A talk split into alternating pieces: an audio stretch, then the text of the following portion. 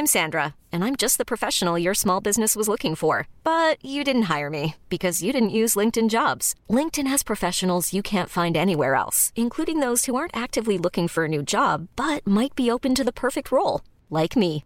In a given month, over 70% of LinkedIn users don't visit other leading job sites. So if you're not looking on LinkedIn, you'll miss out on great candidates like Sandra. Start hiring professionals like a professional. Post your free job on linkedin.com/achieve today.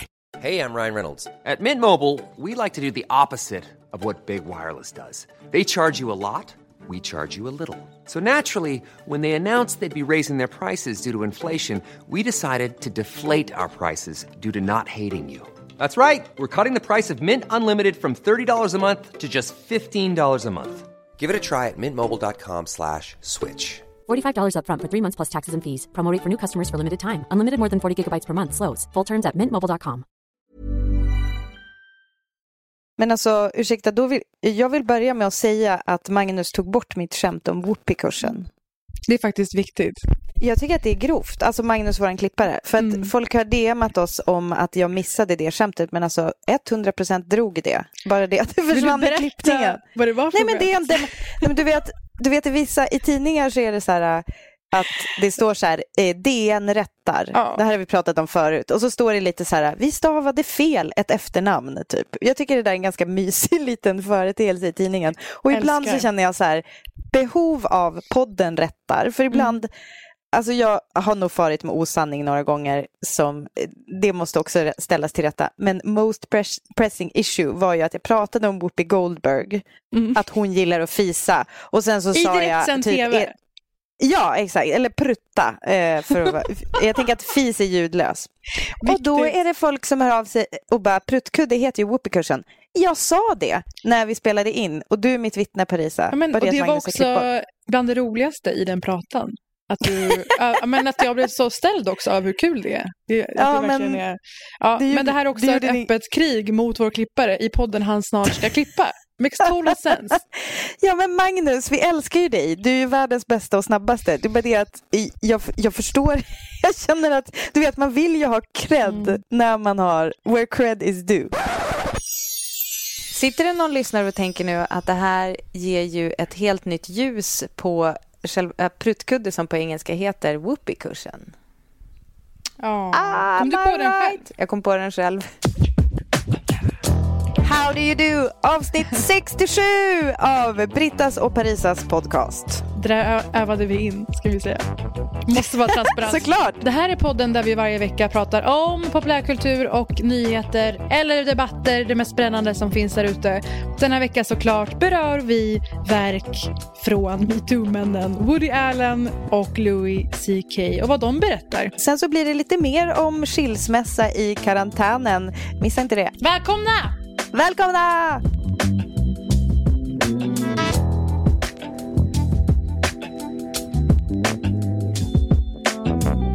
Alltså hur är livet för dig nu? Möts du liksom av slow claps när du kommer in på ICA Maxi? Vänta, varför, varför då? Nej men alltså en supersuccé. Nej men är det sant? Är det inte det Men som gud, är det här- konsensus? Eh, ja, eller vad då? Alltså menar du våran tv-serie nu? Ja, inte bara Och du skämtar inte? För jag vill kolla hur mycket når dig. Och då tänkte jag, det kanske är ICA Maxi, hon kommer in där och det börjar, man hör långt från att det börjar liksom klappas. Jag trodde typ, alltså vet jag han tänka så här, är, det inte, är du inte en jävla hjälte som är hemma med två barn och ett tredje barn som är din man? Ja. Herregud. Okej, nej okej, vi pratar alltså om tv-serien.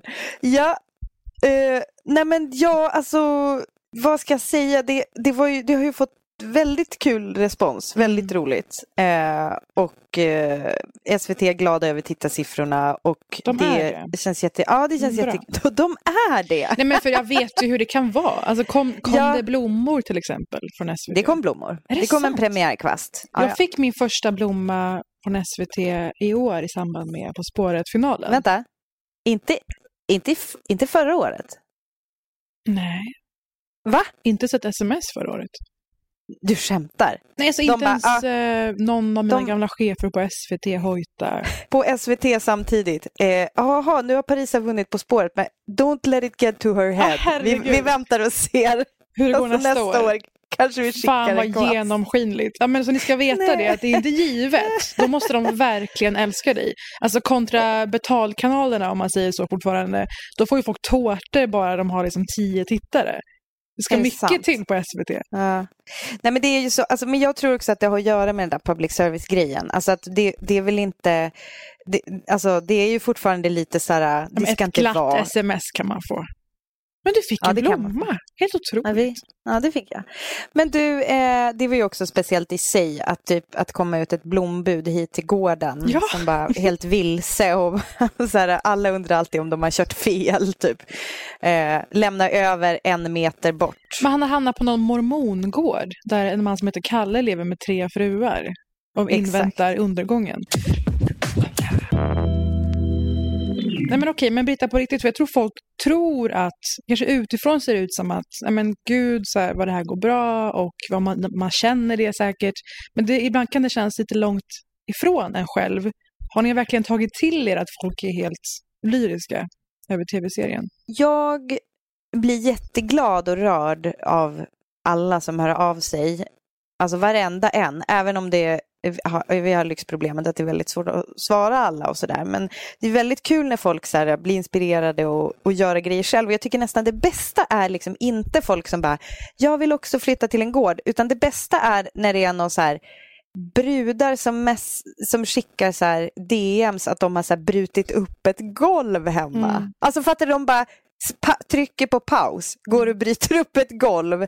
Eller som Hanna P, Hanna P som gick och köpte bets. Mm. Typ sådana grejer, är, det är så jävla roligt att ha den effekten Men alltså, folk. du, i den här serien, det känns som att ni är alltså, dels komiska genier. Alltså din nivå av entusiasm när du bryter upp ett golv eller lär dig hantera en cirkelsåg, sa jag rätt? Hur smittande det är, din entusiasm när du gör de här sakerna. Och hur Är roliga ni är, hur ni finner er i alla lägen, ert samspel. Alltså jag satt verkligen och var så här, det här måste vara antingen tokregisserat och ni är alltså, komiska genier. Eller så har ni lyckats få till en dynamik under inspelningarna som bara är så här, totalt naturligt. Det känns så äkta och roligt och jag som skiter i bets hade så kul när jag plöjde den här serien på ett dygn. Nej, vad roligt. Ja, feel that shit. Vad har du gjort? Har du byggt hela den här grejen här? Ja. Vad mäktigt Britta. Visst är det Jag är mäktigt? jättestolt över det. Vi måste gå och titta hur det kommer, kommer se ut. Nej men allvarligt. Kommer du kunna göra sådär på skafferiet också? Ja, ja det kan jag göra. Jag kan göra, jag kan göra vad som helst. Men alltså, eh, såg du också att jag gjorde Step Brothers-dansen mer, mer än två gånger? Alltså, du vet, bästa film, en av våra bästa filmer, Step Brothers. Nej, men det är ju en otrolig film som vi kan passa på att tipsa om nu. Om folk inte känner igen min dans som jag dansar så är det när Will Ferrell och eh, John, vad fan är han, heter C. Reilly, John C. Reilly och Will Ferrell eh, fråg, har byggt en våningssäng i sitt hem och får so much room for activities och så dansar de som en dans på den öppna ytan. Den dansen jag, drar jag kanske tre, fyra gånger men jag vet inte om alla är med i klippningen. Hade, Men det alltså, kan man jag, roa sig med. jag älskar att podden får fungera som referenskartotek till den här Ja. serien. Är också otroligt bra Extra musik. material. Och jag såg att ni la ut en spellista med musik. Ja, ja den finns. Det är Hanne, det är Hanne Paulsen, våran otroliga liksom, projektledare och koordinator och alltid bäst person. Hon har gjort den, så det kan man ju ladda hem. Vi kan Vadå, har länka du lyssnat den. på den? Ja, vi länkar ut den på Britta och Parisa på Instagram. Så Ja, ni vad roligt. fattar. Kul Britta! Men alltså visst är det jävligt roligt att dra two-pack när det är typ plöja åker?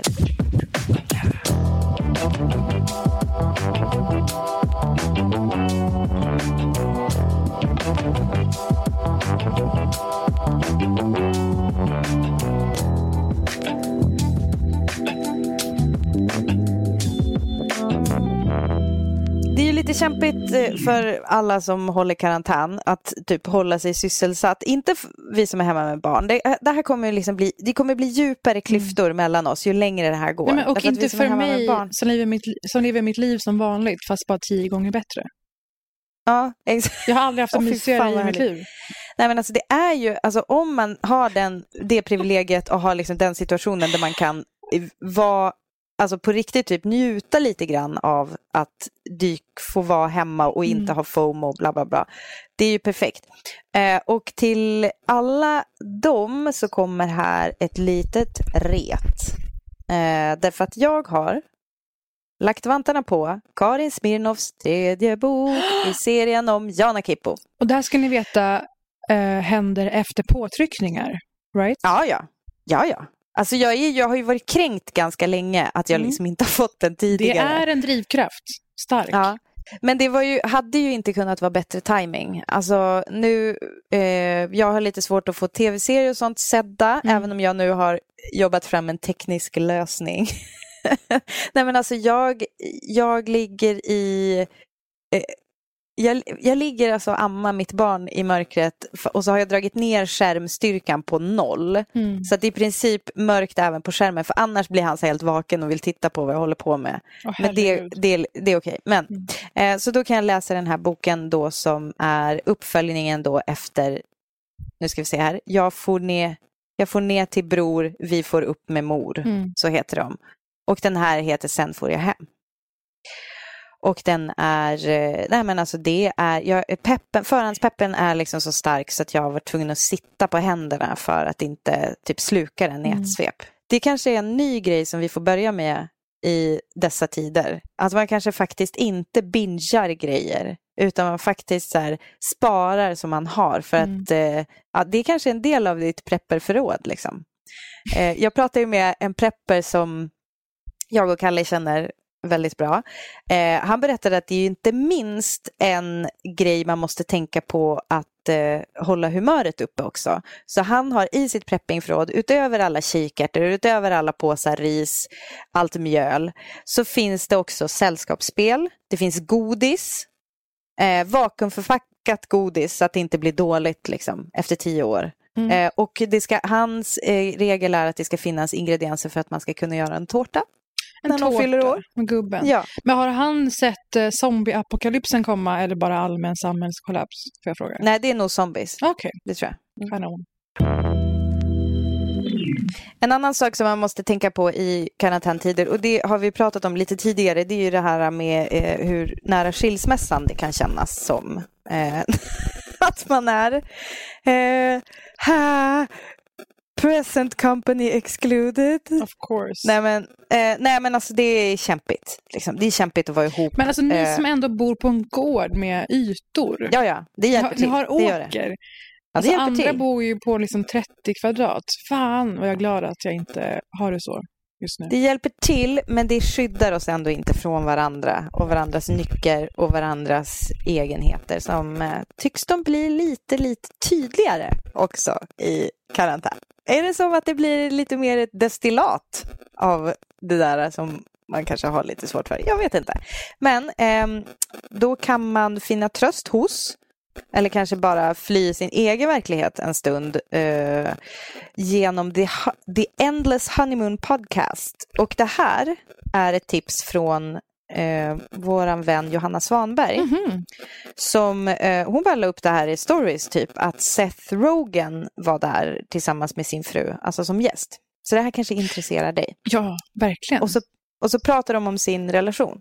Och eh, The Endless Honeymoon podcasten det är ett par, eh, Moishe Kasher och Natasha Leggero. Mm. Jag har säkert uttalat dem helt 100% rätt. Eh, de eh, är gifta med varandra Mm. och eh, just nu så har de eh, karantän. De är standup-komiker så att väldigt mycket av deras leverne håller ju typ i detta nu på att så här, rinna dem genom händerna. Tok, Så det- krackelera.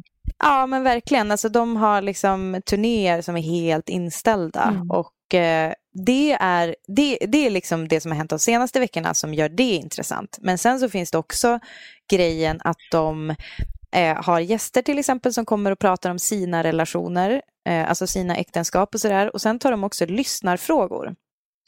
Eh, så att folk får, får, folk får ringa in och berätta om crap ur deras relationer. Och det som blir så väldigt intressant tycker jag är när det ringer in en människa och berättar om att hon ju, och här kan du ändå få liksom lite distans till eventuellt egen ångest. Eh, hon bor ihop med en person som hon, de har bestämt att de ska skiljas. Oj, oj. Fast på grund av karantän så kan de inte det och de kan inte ens förhandla om skilsmässan. De har också Chelsea Peretti som gäst i senaste avsnittet och hon besvarar så jävla roligt då, eh, alltså de här frågorna som är Alltså hon bara skenar iväg. Alltså det, det, det är comedy som händer och det kan också vara ganska skönt. How's uh, Tacoma treating you, Kelly? Uh, Tacoma's okay. I mean, we're rife with coronavirus, I guess, and I'm locked in the mm. house with someone I'm trying to divorce and my two oh kids. Oh my god. Oh my god. Does he know? He or she know? He knows. Oh my god, that is a nightmare. That is really the worst version of the of the quarantine. Now, did you know you wanted to divorce him before this quarantine stuff started happening? Yeah, it was already it was already in motion. Now, see, if I were him, I would be fucking trying to. I'd be washing dishes. I'd be playing fucking slow jams every night. Trying to fucking. I'd be setting up little French bistro in the kitchen. Like, I mean, he, this is his chance. He's got you. You can't fucking. You truly can't leave. Captive audience. Mycket kär i Chelsea Peretti. Eh, Mm. Hon är för övrigt gift och har barn med Jordan Peele.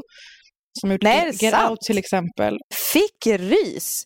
Jag hade Vilket jävla par. aning. Nej men, Hur ska man kunna bli ihop med någon när sådana bra par finns? Åh inte. herregud. Oj, oj, oj. oj. Sen om man vill ha en lite mer allvarlig take på det så har faktiskt eh, min favorit eh, Esther Perel, den belgiska parterapeuten som har eh, ja, men en podcast som heter Where do we begin? Hon har ju nu börjat via Skype att coacha människor då i, eh, ja, i karantän. It's like when you have a disruption like this, often you will have one person who says, especially because things are up in the air, we need more structure now, or we need to make sure to hold on to the structure. But you have another parent who says, because everything is up in the air, we need to cut some slack. We need to be more relaxed. We need to be less strict about the rules because these are not normal times. Alltså hennes franska stil är dock, eller belgiska, whatever, är att hon Mm. alltid vill att folk ska fortsätta vara ihop. Eh, Ja, du är emot det? Ja, men det ska vara så skönt om hon bara skit i det, som du har varit inne på. Gå och le- lev era liv. Förekommer det? Ja, du jag vet inte fan, alltså jag vet inte om hennes stil är det, men jag tror att hon liksom belyser, alltså vi, vi hade ju med ett klipp för några avsnitt sen Mm. eh, där, där jag tog upp det här att hon säger att vi förväntar oss att vår partner ska vara allt för oss. Alltså vi förväntar oss, så vi har så jävla höga krav på en partner och att man kanske istället kan se det som att det är liksom en del av ens liv eh, fylls av en partner. Sen har man kompisar, sen har man eh, familj, alltså ursprungsfamilj, sen Ja. har man liksom jobb, eh, kollegor, folk som stimulerar ens intellekt, bla bla bla. Så att jag tror att det är det, alltså, och då menar hon, hennes grej är ju bland annat, som är ganska kontroversiell, är så här, är det så jävla big deal med otrohet? Eller hon är, det är inte så hon säger det, men hon är så här, Ja. absolut, det är en påfrestning för ett förhållande, Mm. men betyder det att det måste, måste ta slut? Vi återkommer också till fransk slash belgisk stil senare i avsnittet. Ja, men så det, var, eh, det var mina tips eh, för att få kanske lite perspektiv då på ens eget skitliv i karantän. Du har det så bra. Har ni kaniner nu också? Alltså häng, häng inte med. Essa önskade sig när hon fyllde fyra, det här är direkt citat, en lat, en gosig, en busig. Kanon. Och Kalle bara, jag fixar det. Och så åkte han och köpte två köttkaniner. Det här låter ju hårt, men det, vi har ju som en filosofi att det är så här, vi ska kunna äta djur som man vet vad de heter typ. Alltså vi, om, om, annars behöver man inte äta kött. Om man inte Men har katten liksom koll på Kajsa. var de kommer ifrån. Katten Kajsa kommer Nej, åka på han rör, han rör fan inte Kajsa. Nej, du, Nej, bara, men, det är bara eh, en tidsfråga, Britta. Det vet både du och jag. Kajsa Ja, åker på nej, det. men så då kom det två väldigt ogosiga köttkaniner helt enkelt. De, den är, det är inte en ras som är avlad för att vara, eh, liksom, ha små barnhänder som krampaktigt håller fast runt om, om Mm. man säger så. Ja, så ja, vi har kaniner. Bra, kul. Britta Zackari. Nu är du så peppad. Är det något jag missat nu? In the zeitgeist. Några människor, jag kan säga så här, det finns några djupt tacksamma själar där ute. De är tacksamma för att Woody Allen har släppt bok och Louis CK beslutade sig för att släppa sin stand-up special Sincerely mitt i pandemin. Åh herregud. Har du hört om detta? Nej! Jo, om Ja. Woody Allens bok har jag hört. Okej. Ja. Dessa Mm. tacksamma själar är såklart, ja men framförallt kultursidorna. Som måste ha grov debattabstinens just nu. Ehm, jag förutspår att kulturjournalister kommer stå på sina balkonger och applådera Louis och Woody istället för sjuksköterskor. Det är i full gång och vi är inte sena på att haka på, ska jag säga. Här låter, här låter saftigt. Vi säger så här först. Eh, Woody, om vi börjar där. Woody Allen. Apropos of nothing. ehm, jag kan tipsa i förbifarten om mina bästa Woody Allen-filmer, ironiskt nog. Ja. Vilket är Crimes and Misdemeanors och Hannah och hennes sisters. Aha. Bra Hennes filmer. sisters. Ehm, och... Gillar eh, Manhattan. Ja, eller Den är så Midnight, jävla stylish. Midnight in Paris. Han, det går inte att säga emot, den är otrolig. Och nu tänkte jag bara, Britta, var det okej att jag tipsade om dessa i denna kontext som du anar vilken det är? Men alltså var det okej? Folk har väl ett eget ansvar. Och Ja. sen så, jag är ju fortfarande kluven och det här, jag har försökt komma fram till något men Mm. jag är fortfarande kluven till så här verk och person. Mm. Kan vi skilja, alltså ja han är en vidrig, vidrig människa. Vill jag hälla pengar i hans ficka? Inte jättegärna. Kan jag fortfarande tycka att en film jag har sett förut är bra? Ja, det tror jag. Mm. Kanon. Då är vi klara med det här. Då, då var vi klara. snacket. Jag trodde att jag var kluven men jag var klar. Då är vi klara med den här påan. Jag undrar bara på riktigt vilket förhållningssätt folk har. För jag har läst på lite om det här. Folk är väldigt specifika. Eh, någon eh, gör så att den bara kollar, alltså tidsmässigt, kollar bara på filmerna fram till att han ska ha börjat ligga med sin frus tonåriga adoptivdotter. Väldigt specifikt. Men fan vad sjukt. En Som att annan- det är först då han Ja. utvecklar den där böjelsen. En annan först från att det blev känt och så vidare och så vidare. Så här är det ju, alltså han har inte gjort en enda bra film sedan Midnight in Paris egentligen. Eh, knappt sen När eh, släpptes den då? Hannah och hennes systrar. Vad kan det ha varit, 2012, 13? Tänker jag. Mm. jag vet inte.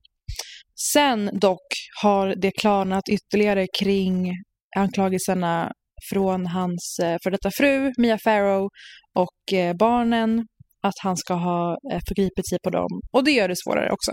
Så det hör till, jag har respekt för det. Eh, men ja, moving on till Louis, som är den som kanske har en, har en, mer, en mer central sit- position i det här för mig. Eh, lördag så kom ett mejl ganska sent, svensk tid, till oss som är uppskrivna på Louis mejllista sedan gammalt. Han har producerat och släppt en special själv på en egen sajt för 8 dollar. Hur, reager, hur reagerar du på den här informationen? Eh, Då tänker jag Louis behöver ha cash. Mm. Han, han vänder sig till eh, sina kompisar och säger, hörni, det är lite tajt om cash just nu. skulle, ni kunna, skulle ni kunna sträcka ut en hand? Alltså underhållet ska in. Ehm, Ja. Det är en take. Jag gissar att du inte då hade slängt dig på länken och köpt den. Jag hade inte gjort det. det men så? jag förstår... Ja. Mm. Jag kanske, vet du vad? Det där är så svårt att säga. Därför att eh, nyfikenheten är ju en grej också. Mm. Det behöver ju inte betyda att du sanktionerar hans, för jag gissar att du gjorde det. Det behöver men det- inte betyda att du sanktionerar hans övergrepp. För min nästa fråga till dig var vad tror du jag gjorde? Och det är klart som fan jag som har varit ett fan av Louis sen jag upptäckte stand-up i princip. Du villade inte på hanen. Du, eh, kortet åkte fram, Mm. Kan jag säga. Men får jag fråga, det här med egen sajt tycker jag är intressant. Hade det varit skillnad om den poppade upp på Netflix, en sån stor lansering? Ja, ja det hade det. Hur hade du känt då?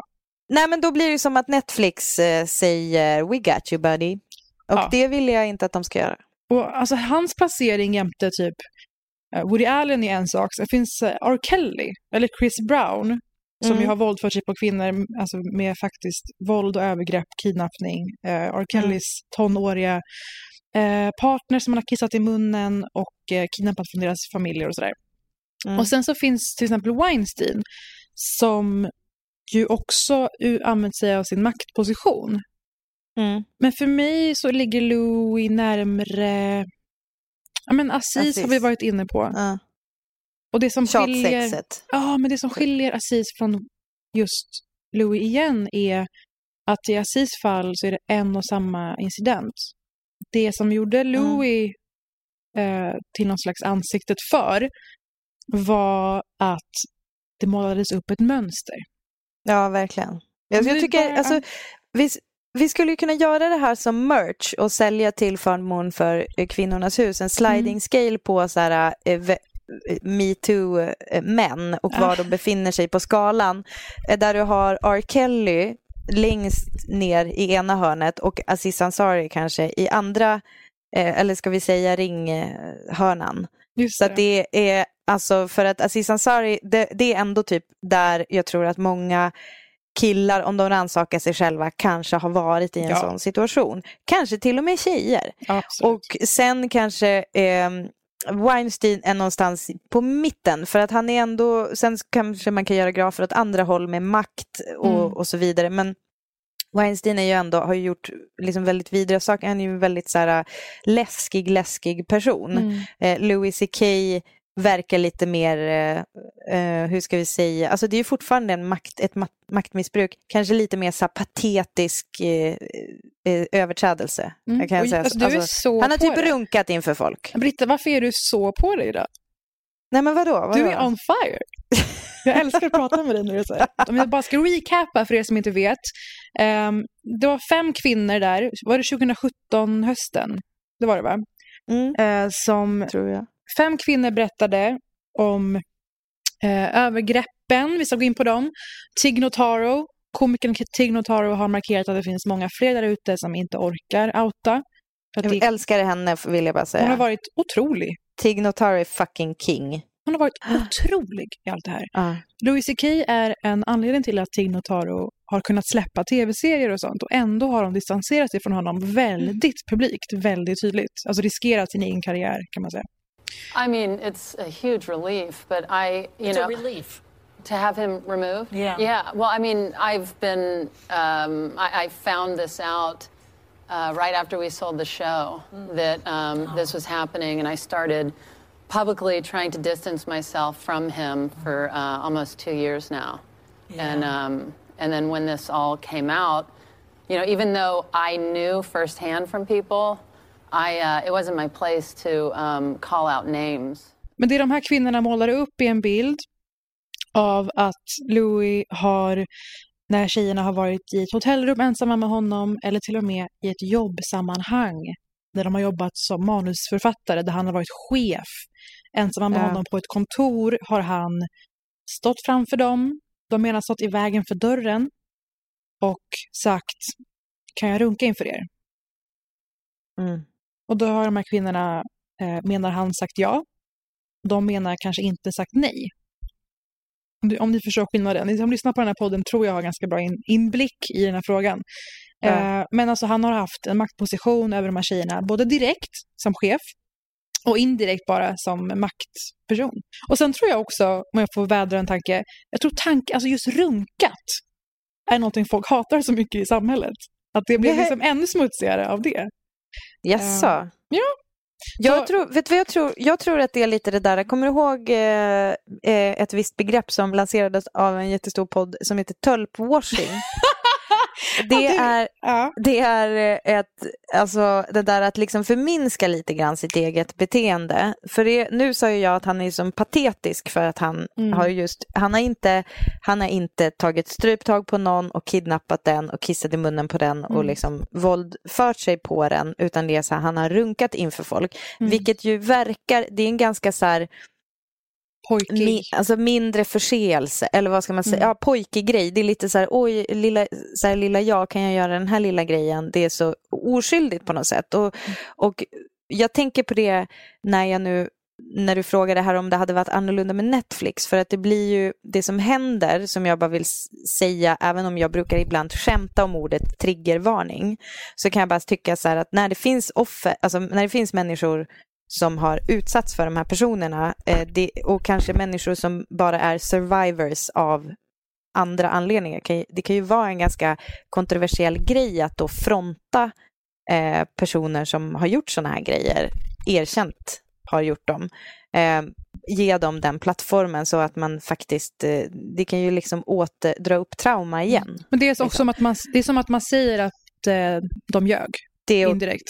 Ja, ja, på något sätt. Eller Ja. typ att det var okej. Det var inte så Mm. farligt. Och det, just det där med runkandet tycker jag är superintressant. Jag tycker runka är ett så jävla roligt ord. Först och främst. Jag, Ja, alltså jag använder det för tjejer också. Jag tycker det är Jag med!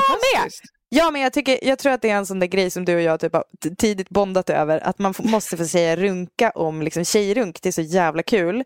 Ehm, Mm. Jag tycker också att det är Eh, alltså jag, jag känner att jag lite vill ta tillbaka mina ord att det är så här, för just av den grejen, att det är så här, åh lite Förstår du jag menar när man målar upp den där bilden att han är lite, ja, det är lite patetiskt, han är lite misslyckad. Då blir det på något sätt inte lika hemskt som det R. Kelly gör. Mm. För att det är en beräknande hemsk skurk. Jag tycker Men det är samtidigt- jättebra att du säger det. för jag, den som ja. utsätts, alltså jag, jag har ju kompisar som har varit med om att eh, folk ute på stan har liksom kommit fram och runkat framför dem. Och det är ju, du vet, det, det, är ju, det kan ju traumatisera en person, Mm. alltså det, det påverkar en ju jätte, jättemycket. Så att det, även om det låter patetiskt så behöver inte det betyda att den händelsen var, var mindre traumatisk. Exakt. Um, vi kommer ihåg Louis CKs kassa-ursäkt, Am I right? Den släpptes där på, i samband med att det outades i New York Times. Och det folk störde sig på var till exempel att han, uh, han förstod att det var fel. Han menar på att det var länge sedan, att han hade mycket ånger över det. Han förstod att det var fel för att de admired them, som han skrev. Mhm. Och sen skrev han för att jag hade makt över dem. Och så skrev han att han förstod att det blev ett predicament för dem. Då kan man tycka att det är semantiskt. Man kan tycka att det här är bara ordmärkeri. Predicament, alltså en slags börda. Ett litet förhinder. Så. Mm. Snarare än någonting som man, man kan känna sig djupt utsatt av. Eh, nu undrar kanske du, vad säger han då i den här specialen? Kan du komma till det? Ja, Parisa det vill jag jätte... Ja. Men jag tror för sakens skull ska vi också nämna att jag ja, men, först ut har, varit, har dyrkat eh, Louis CK sedan dag ett. Och det är för hans sätt att blotta mänskliga ologiska saker. Och eh, serien Louis var någon slags, ibland ganska överpretentiös och lite mörkare Curb Your Enthusiasm. Men otrolig. Och sen mycket mer lågstatusgrej eh, grej, men filmen Pootie Tang står högt i mitt hem. Alltså jag tycker, jag tycker att tv-serien Louis är en, ett jävla mästerverk. Mm.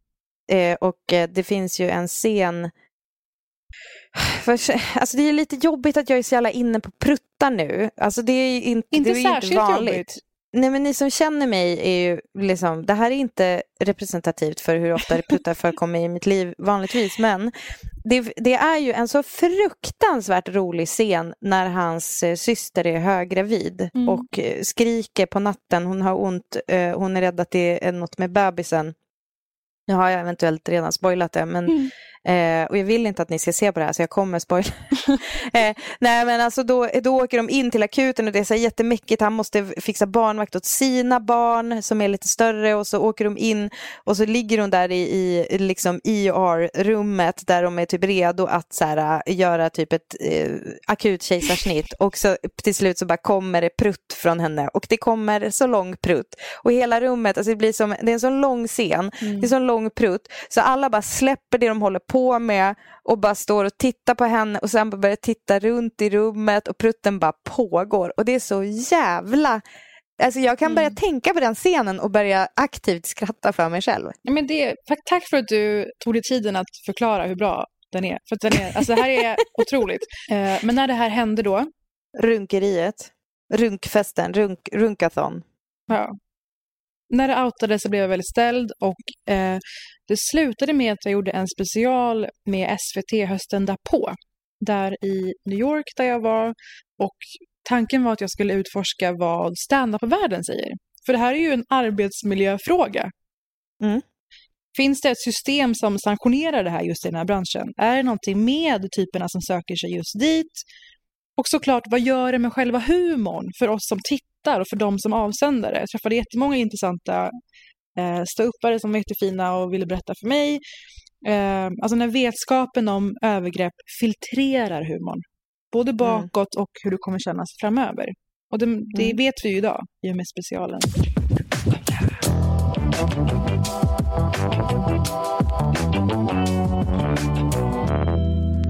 Vad snackar Louis om i specialen två år senare?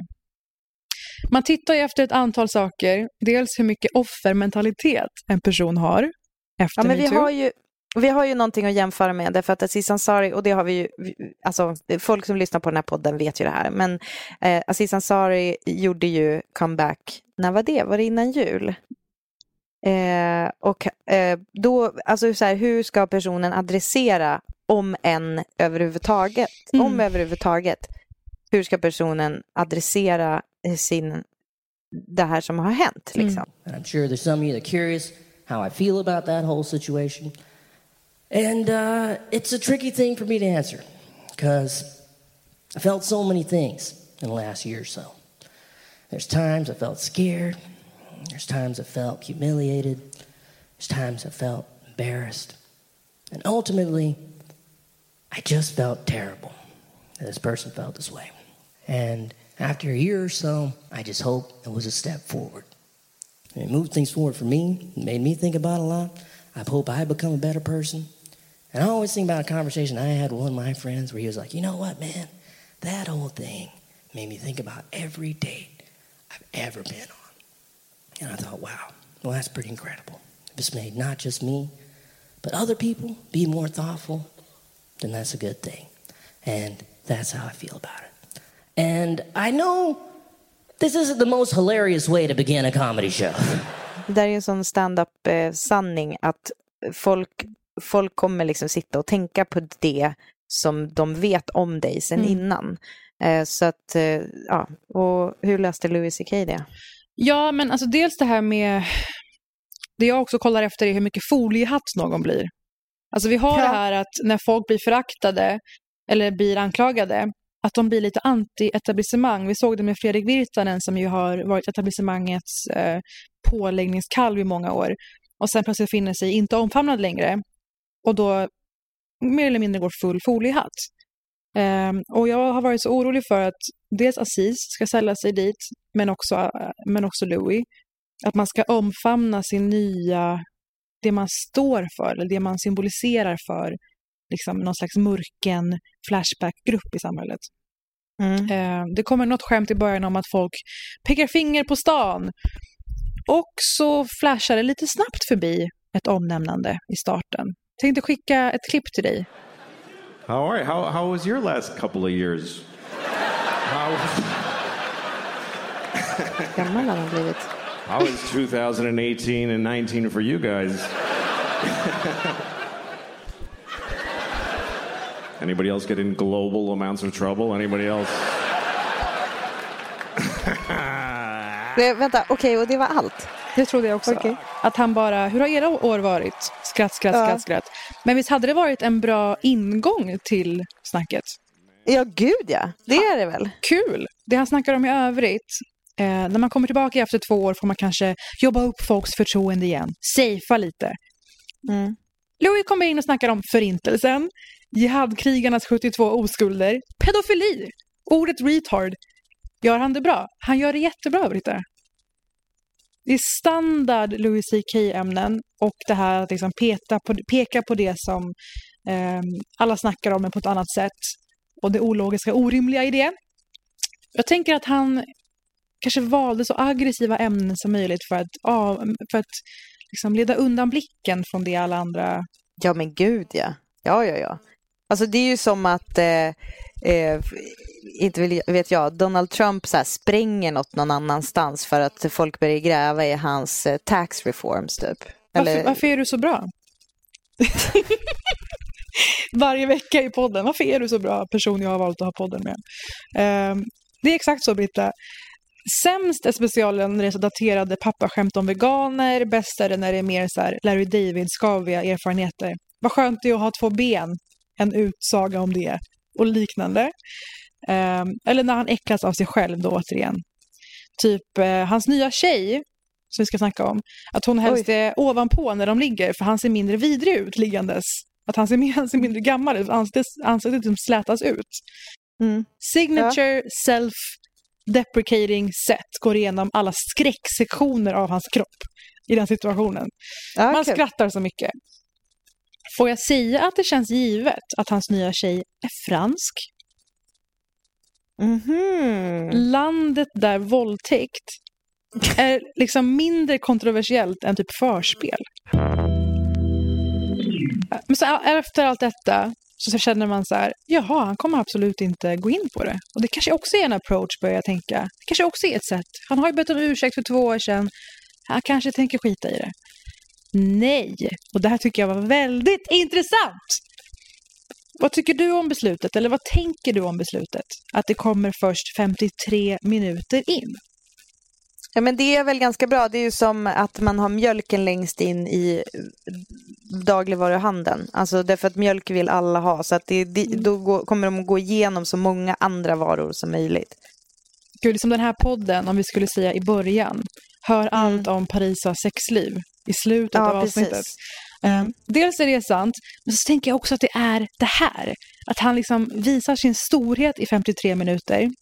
Att vi då ska ha värmt upp till honom. Ja, ja. Och sen ja, ja, ja, bam! absolut. Ja. Det är som när man har varit ihop med någon och sex månader senare så börjar den riktiga personligheten komma. Mm. Det är då man börjar liksom, de börjar visa att så här, aha, efter en AV på torsdagar, då kommer du hem och spyr i hallen. Det är vem du är egentligen. Eh, är det ett personligt exempel? Kanske. Ehm, men kontra Aziz då återigen som i början etablerar, jag skäms, jag skäms för att jag har sårat folk, allt jag kan göra är att försöka bli en bättre person. Och sen kunde vi slappna av. Och jag känner att syftet här eh, slår fel, för det blir att jag återigen då färgar allt. Allt han säger blir färgat av att jag inte vet vad jag har honom. Mm. Ja. Ska vi nu gå in på vad han actually säger? För det, är gro- mm. det, är, det har grejer. Because look, whatever you're into, okay? Because everybody's got their thing. Whatever your thing is, I don't know. You all have your thing. I don't know what your thing is. You're so fucking lucky that I don't know what your thing is. Do you understand how lucky you are that people don't know your fucking thing? Because everybody knows my thing. Everybody knows my fucking thing now. Obama knows my thing. Do you understand how that feels? To know that Obama was like, good lord. Att han lanserar som att det är hans sexuella grej. Att runka inför tjejer som jobbar för honom. Eller som han har Mm. stor makt över. Jag vet inte om jag håller med. Jag håller med om att everyone has their thing, som han säger. Mm. Men eh, det, kan ju, det brukar vara saker som man inte kanske vill att en svärmor ska veta. Men som så här, inte heller är så nära förövar eh, gråzonen. Eh, Mm. Om det skulle läcka något som bara är lite tabu, typ att det blir känt att eh, Louis CK älskar att bli peggad. Mm. Det hade varit så här, his thing. Eller om eh, det kommer ut att han brukar hänga sig i sin garderob och onanera.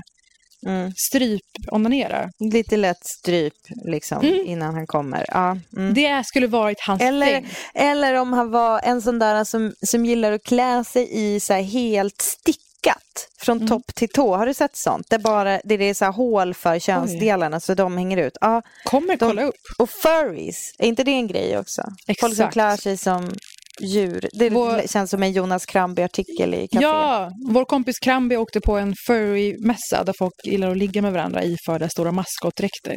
Kul. Ja. Jag känner, this Nej. ain't it. Det här är inte en Nej. thing. Att du försöker nu förminska eller förvränga, spela ner vad som har hänt. Mm. Vi alla vet om att du är smartare än så här. Jag tänker inte gå på den här lätta. Vad Han- tänker du att det är då istället? Jag tänker att det är det det är. Att det är också hans sätt att leva med det själv.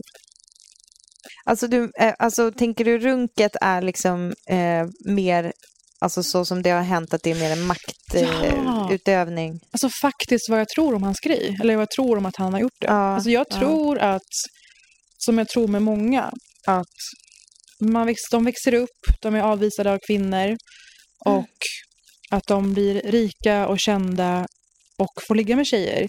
Men fortfarande fyllda av förakt och agg Mm. mot tjejer för alla gånger de gått oknullade hem. Och eh, Men gre- låter det bekant? Har vi något svenskt exempel? Låt oss Mm. inte gå in på det. Men får jag säga, för om, det var ju roligt så här, alltså att eh, jag tog upp Ester Perel tidigare för att det är en grej som hon pratar väldigt mycket om och om du ursäktar att jag pra- parafraserar Ester Perel fast ändå med hennes accent. The eroticism is in the shameful.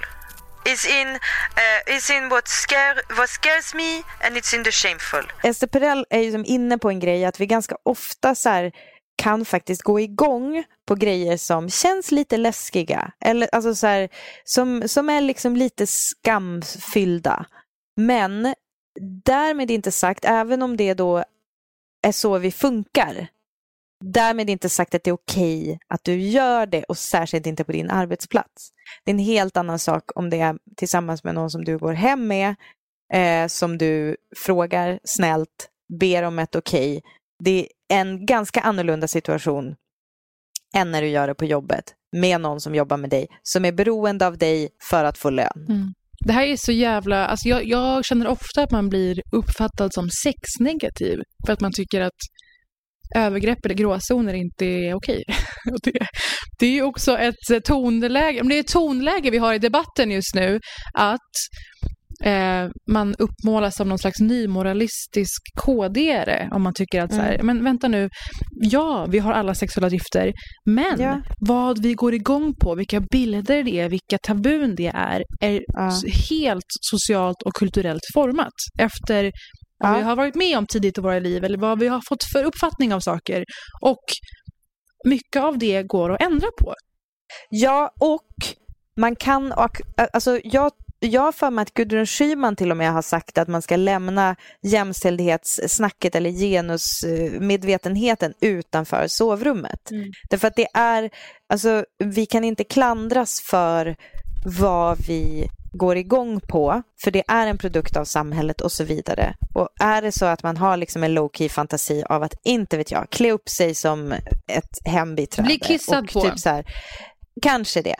Om det är så att man har det så är det, det, det finns liksom, det måste finnas det samtidigt som och att man gillar att ligga och att man bejakar sin egen sexualitet. Att det finns att det är okej samtidigt som du alltid måste kolla med personen som du Mm. vill ligga med att det är okej och samtidigt som du också måste vara extra vaksam på om det är personer du jobbar med att de faktiskt kan känna sig tvi- tv- tvingade att säga ja för att de är rädda om sitt jobb eller för att du är, de brukar säga ja till dig eller för att det är eh, liksom en stämning där de känner att det, oh, det kanske bara är jag som säger nej till den här grejen och jag vill inte vara ett freak. Alltså, Alltså, finns... nu, är det, nu är det som att du anar vart vi är på väg. För att just det här med Mm, kolla kanske. att det är okej. Vart är vi på väg? Ja. Hur många poäng? Är det åtta fortfarande? Drar jag på Alltid, åttan? alltid tio.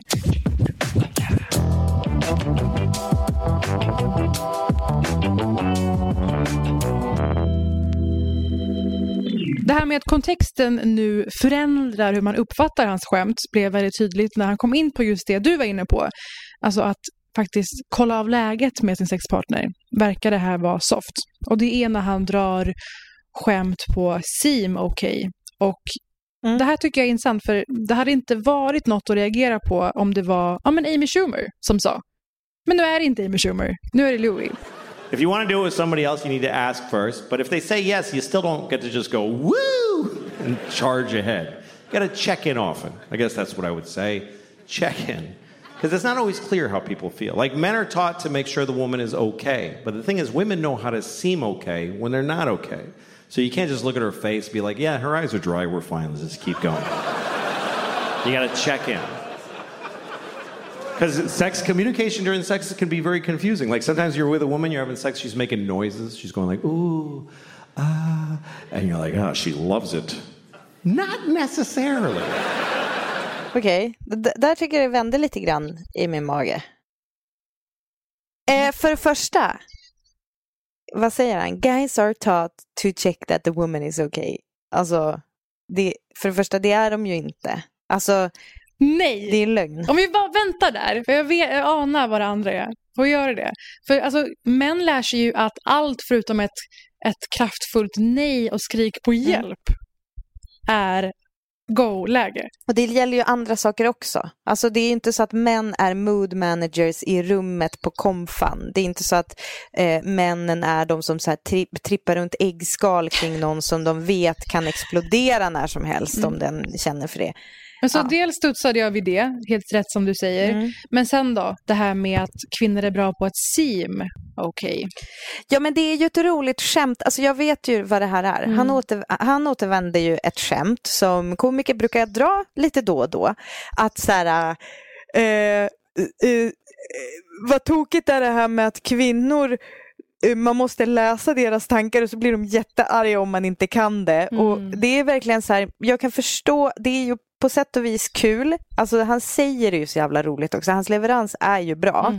Not necessarily. Alltså den, den grejen är nog ganska stark relate hos många därför att det är så här, ehm, eh, ja men typ i sådana putslustiga, typ tummen mitt i handen gubbeskämt. Mm. Att det är så här, eh, frugan har, har PMS och då eh, liksom kan det verka som att, att jag eh, liksom har rätt fast det är alltid hon som har rätt. Och Mm. det, alltså du vet sådana där jävla tråkgrejer. Men Så- förutom det, och att jag menar att Amy, om Amy Schumer säger det här, då skulle det kunna bottna i någonting om att eh, vi tjejer har ju lärt oss så mycket att inte vara till besvär och att tjejer har en annan rädsla, Absolut. inneboende rädsla, obehag om man är i en situation som är en gråzon och det kan bli aggressivt. Man vet aldrig. Nej men det är inte en insiktsfull person som drar det här. Och sen doftar det ju framför allt att han skjuter över skulden och ansvaret. 100 procent. Det, alltså det är ju det, är det han säger. Alltså det är som att ha en skylt ja. i pannan. Här slog jag mig själv i ansiktet. Och bara, Ja. did you have to...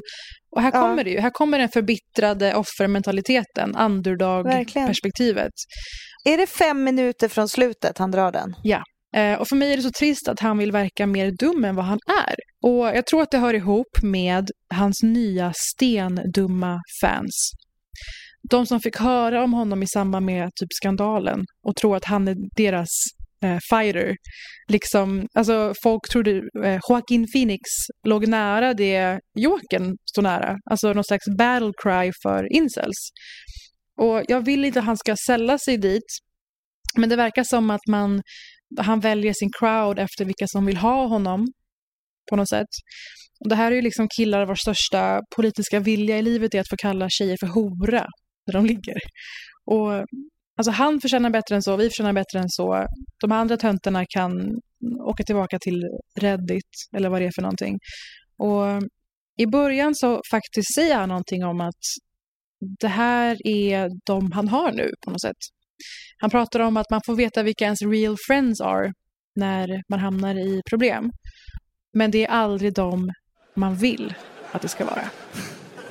When you get in trouble, you learn who your real friends are. It's true. People like saying that like that's a good thing. Who the fuck wants to know who their real friends are? You don't want to know that, believe me. You don't want to know. It's never who you want it to be.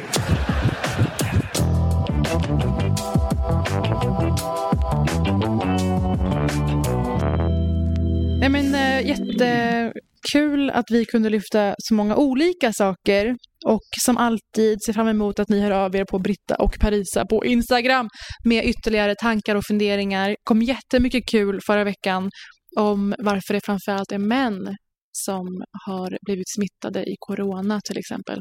Men alltså det har ju också stigit sen vi pratade om Mm. det. Alltså andelen män har ju verkligen boomat. Det är ju sjukt. Nej, men jag var på systemet häromdagen och så här, killar fnös åt mig när jag bad dem hålla avstånd i kön. Fast det står utmarkerat på, på golvet klistermärken. Snälla håll avstånd och så står det två meter emellan. Här kan du stå, här kan du stå. Vet du vad, det där, jag älskar det där. Min syrra hade också sagt åt någon Mm. i butiken. Ja, fan vilka hjältar ni är. Jag vet inte om jag skulle våga det. Ja men gud, alltså jag var Jag inne på bara, apoteket. ja det är tokigt med coronan. Alltså, personalen på apoteket gick in i mig tre gånger. Och jag var så här, ursäkta mig, du är här inne med folk som är säkert är sjuka varje dag. Men hen, hen ville ha corona. Hen, Ja. hen hatar sitt skitjobb och ville ha corona. Bra, bra tes. Men absolut, säger till. Och eh, vi finns på Britta och Parisa som sagt. Och det kommer podd nästa vecka. Vi överlever detta. Förhoppningsvis, eller? This too shall pass. Ja, Ja. det gör vi. Famous last words, om inte annat. Hörs nästa vecka. Puss och kram.